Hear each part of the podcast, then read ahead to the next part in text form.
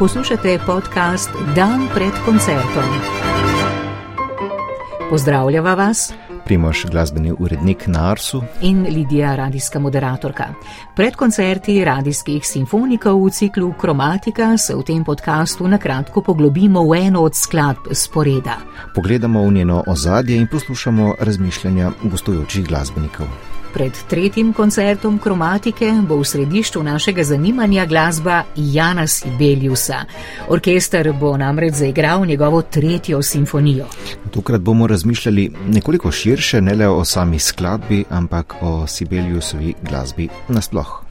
Slišali bomo odlomke iz glasbenega portreta. Primož, naredil si ga leta 2015. Zakaj? Ja, ob koncu tistega leta je bila prav 150. obletnica skladateljevega rojstva. V tem portretu so bila objavljena tudi razmišljanja muzikologa Matjaža Barba in pa finskega dirigenta Oka Kamuja.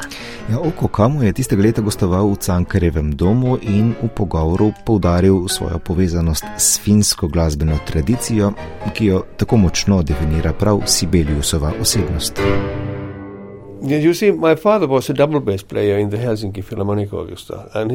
Moj oče je igral kontrabaso v Helsinškem filharmoničnem orkestru. Začel je že v 20 letih prejšnjega stoletja in tako je odigral veliko koncertov s Sibeliusom kot dirigentom. Še ko sem bil zelo majhen, me je peljal s seboj na vaje in na koncerte.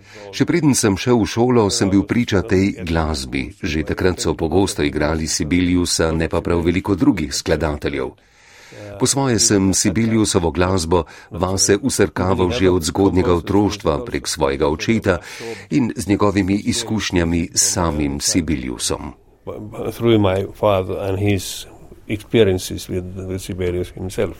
Okokamu je dirigent starejše generacije, ta teden pa s simfoniki sodeluje 40 letja mlajši finski dirigent, skladatelj in pianist Vile Matvejev, ki mi je pomagal še nekako dopolniti pogled v Sibeliusovo simfonično glasbo. No, medtem se je izkazalo, da je Matvejev tako rekoč sosed gospoda Kamuja. yeah, I mean, funny enough, it actually. Uh, Helsinki and, uh, Živim v Helsinkih, na otoku Lautasari, kjer živi kar veliko dirigentov in oko kamu živi dve hiši številke od mojega stanovanja. So Matvejev sem vprašal, ali se njegova generacija finskih glasbenikov v svojem razumevanju, gledanju na Sibeliusovo dediščino na kakšen način razlikuje od starejših. When I start thinking about what inspires me in Sibelius, it has so much energy, it has so much emotion uh, into it that it's it's very rare to to be left cold when you listen to any of his music. Pri Sibeliusu me navdihuje energija, čustvenost, ne pustite hladnega, hkrati pa me navdihuje njegovo življenje. Veliko je bilo že napisanega o tem, kako boemsko je živel, hkrati pa je bil zelo dejaven mednarodno. Rekel bi, da je bil močneje povezan s svetom, kot so skladatelji danes, kljub družbenim medijem in možnostim povezovanja, ki jih imamo mi. Nenehno je bil v središču evropskega glasbenega življenja, vsi so ga poznali, veliko je dirigiral, potoval, pil, jedel, živel razsipno. Njegov način življenja se prikazuje tudi skozi njegovo glasbo, v kateri je neverjetno veliko sreče, veselja do življenja, celo do neke pretiravane mere some certain excess, maybe. But uh, I think this is something that you, you, you, when you when you dig deeper into his character, you, you realize that oh, this is where this. Ko se poglobimo v njegov značaj, vidimo, da je tudi to vir njegove glasbene energije, da prihaja iz povezovanja z najboljšimi umetniki tistega časa, uživanja v trenutku, tudi navdihovanja v naravi, ljudeh, ki jih je srečeval. Tudi zato je ta glasba vedno tako živa. Live every time.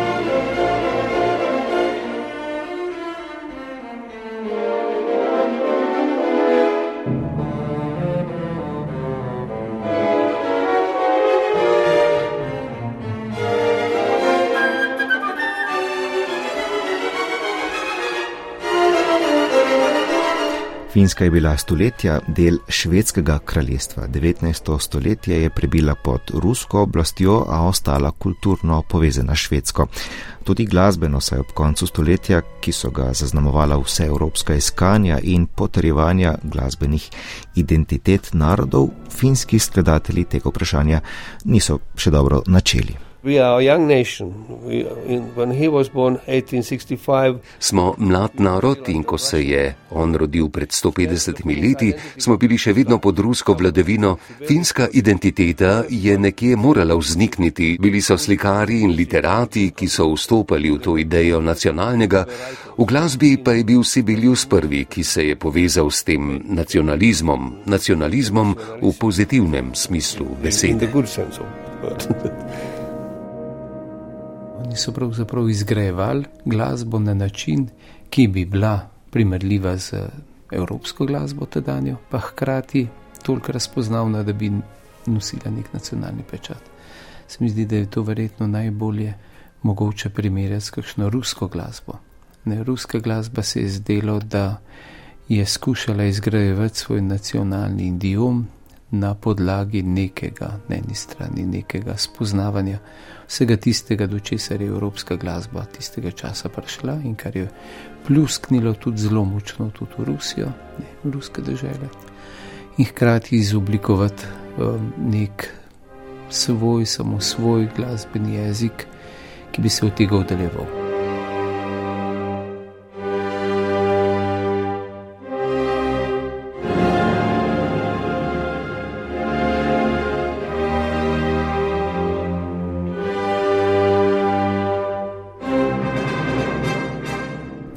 Osrednji način potrjevanja je ljudsko izročilo. Ako govorimo o velikih umetnikih, tu ne prihaja do enostavnega prenašanja folklore v umetnine, ki imajo neko lastno logiko in način učinkovanja.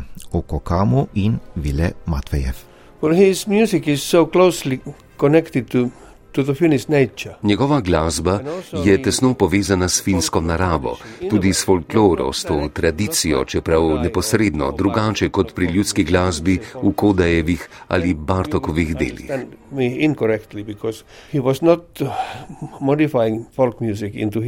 Ni prirejal in prenašal ljudske glasbe v svojo lastno. Iz nje je vzel nekatere idiome, ritme, značilne sloge ljudskih besedil. It's always important to remember also when you think about Sibelius as a symphonist. Sibeliusova prva simfonija je bila Kulervo, kjer je v dveh stavkih uporabil dele epa Kalevala. Od tod izhaja ritmična osnova njegove glasbe. Uh, roots for his compositional work come from them, from this type of writing with the Finnish language very much involved to it. Tu se znajdemo pri tretji simfoniji, nastala je po Kullervu, po prvi in drugi simfoniji, torej po delih, s katerimi je Sibelius hitro postal simbol finske kulture. A v prvi temi tretje simfonije, slogovno in oblikovno jasno drugačne, tudi precej redkeje izvajane skladbe od predhodnic, se prav prek poglabljanja v jezikovno plast glasbe Sibelius poveže svojo identiteto. Like in, in Hungary, the, the language, the emphasis is always in the first syllable. Like, Podobno kot v mađarščini imamo podarek vedno na prvem zlogu, takšna je tudi tretja simfonija. Like in the third song, paka taka tam pom pom pom pom, paka taka tam pom pom pom pom, taka taka tam pom pom pom pom pom.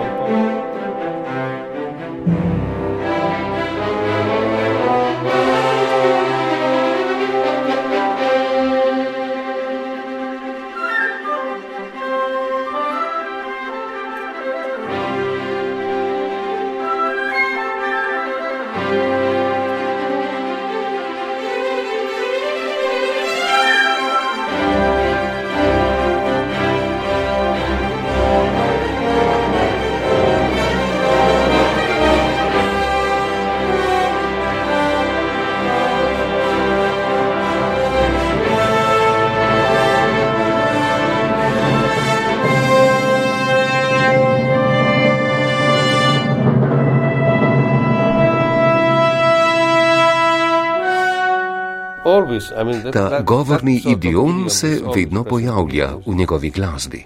uh, I've also, when I've conducted this third symphony, I've many times uh, sung for the orchestra, especially when I brought uh, a Finnish cradle song, uh, Tuku Tuku Lampaitani. Sam ob ritmu te teme dobim asociacijo na uspavanko Tuku Tuku Lampaitani. Govori o ovčkah in o pripravljanju na spanje. So it's, it's very funny. That's the kind of the first uh, association that comes to mind when you start thinking about that. To pogosto povem na vajah za tretjo simfonijo, to dobro učvrsti, prizemlji to temo stavka. Of the word one, two. So it, it gives a very kind of a rooted, uh, well grounded uh, character to this movement.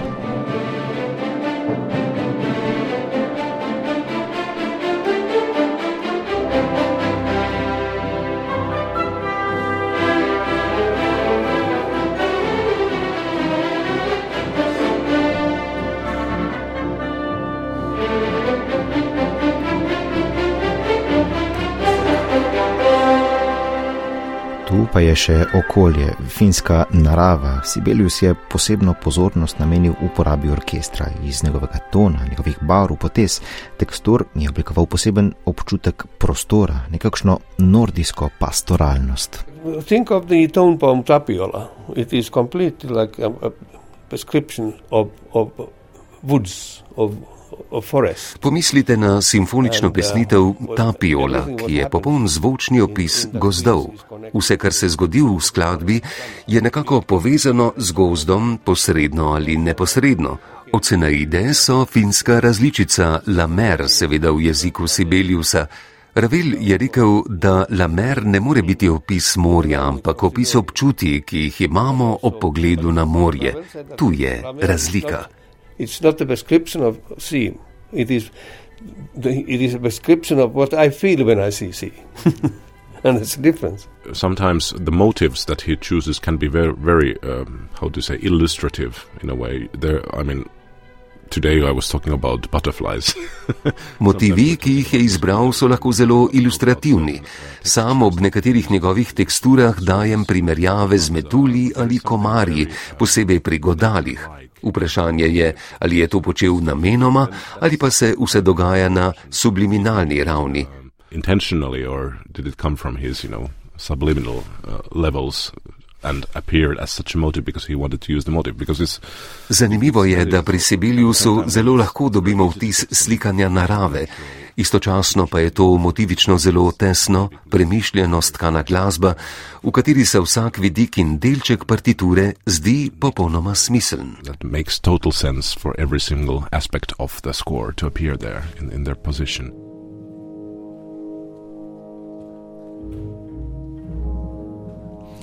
Tretja simfonija je posebna tudi svojo obliko, ki združuje, povezuje tretji stavek in finale v eno samo celoto.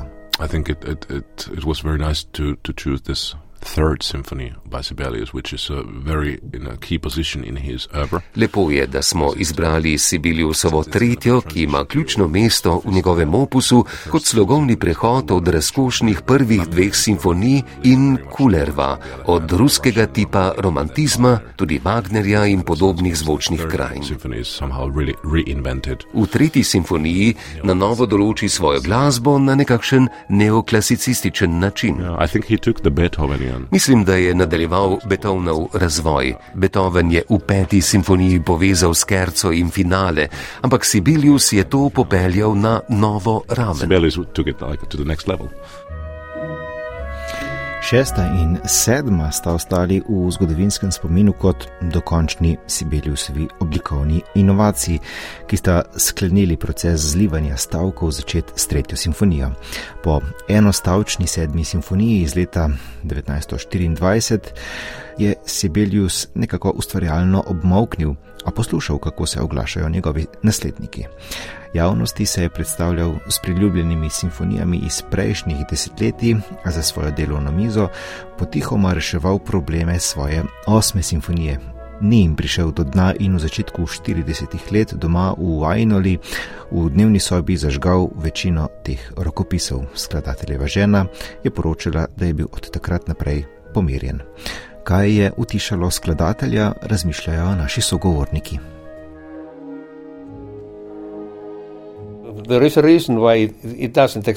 Obstaja razlog, zakaj osma simfonija ne obstaja, samo kritičnost. Izvedli smo delčke osme, ki so jih odkrili, harmonsko in glede ritma so zelo revolucionarni, lahko bi bili Webernovi. Iz tistih nekaj minut glasbe ne moremo sklepati ničesar o obliki, o večjih linijah, ne vemo, kaj je resnica za osmo simfonijo. Nihče ne ve. Se pravi, vsekakor Sibelius je um, se pravi, naredil ta cikl svojih sedmih simfonij, ki se zdijo zaokrožene v njih. Um, je sicer preverjal tako meje tonalnosti, kot meje te strukture same simfonije, se pravi, od tega tradicionalnega štiristavčnega modela se odmika, drugam pa se vrača potem nazaj in potem v, kon, v končni fazi v svoji sedmi simfoniji izoblikuje nek, neko samo svojo formo ampak vendarle se pravi, na koncu ostane v nekem suhem, praznem prostoru, ko se zdi, da ga nekako, da ga nekako glasba njegovega časa prehiteva. Se pravi, ko začnejo skladatelji pisati glasbo, ki sam nekako ne more slediti, eh, za katero čuti, da to ni njegova glasba in da je čutil to kot neko ustvarjalno dilemo se vidi potem, da, so, da je ohranjena vrsta skic za osmo simfonijo, da si zelo močno prizadeval, da bi uh, napisal osmo simfonijo, pa se pravi v tej neki ustvarjalni stiski tega ni mogel končati. Vemo, da potem pride še v 30 letih en tak, nekateri pravijo prav, brutalen napad ekstremnih modernistov na čelu z Adornom, ki, um, ki označijo celo, eh, celo Sibeliusa za najslabšega skladatelja. In vse to mislim, da je prispevalo k temu, da se je čutil nekoliko tujca v svojem času in da nekako ni mogel več eh, ustvarjati in da je zato umoknil. Osebno se nagibam k temu, da je šlo za neko praznino, obup ob tem, da svet ni več enak. Mislim, da se s to tragiko lahko srečamo tudi mi. Kar se dogaja zdaj, ustvarja kritično točko. Po pandemiji, nerazumnih vojnah, gotovo ne bo vse enako. In kaj vse še sledi? Morda smo blizu podobnemu času, kot je bil takrat, ko je Sibelius nehal skladati. Kakšen je smisel skladanja, če nisi več povezan s svetom okrog sebe? You know you don't feel connected to, to, to around you anymore.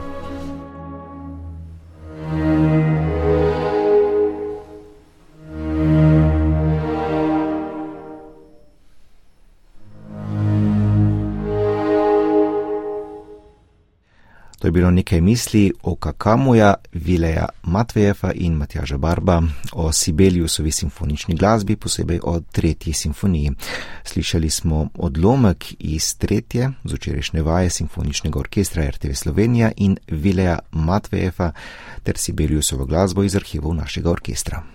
Na sporedu tretjega koncerta kromatike bo še Grigov koncert za klavir in orkester solistko Martino Filjak. Večer pa bo začela prva slovenska izvedba skladbe Sence tišine Nine Šenk. Vse omenjeno boste lahko slišali v četrtek v Galusovi dvorani na koncertu ali pa v neposrednem radijskem prenosu na programu Ars. Uvodna in zaključna glasba vsake epizode podcasta je delo Alda Kumarja. Prevode je tokrat bral Igor Velše. Dan pred koncertom najdete na spletni strani programa Ars in v vaši izbrani aplikaciji za podkaste.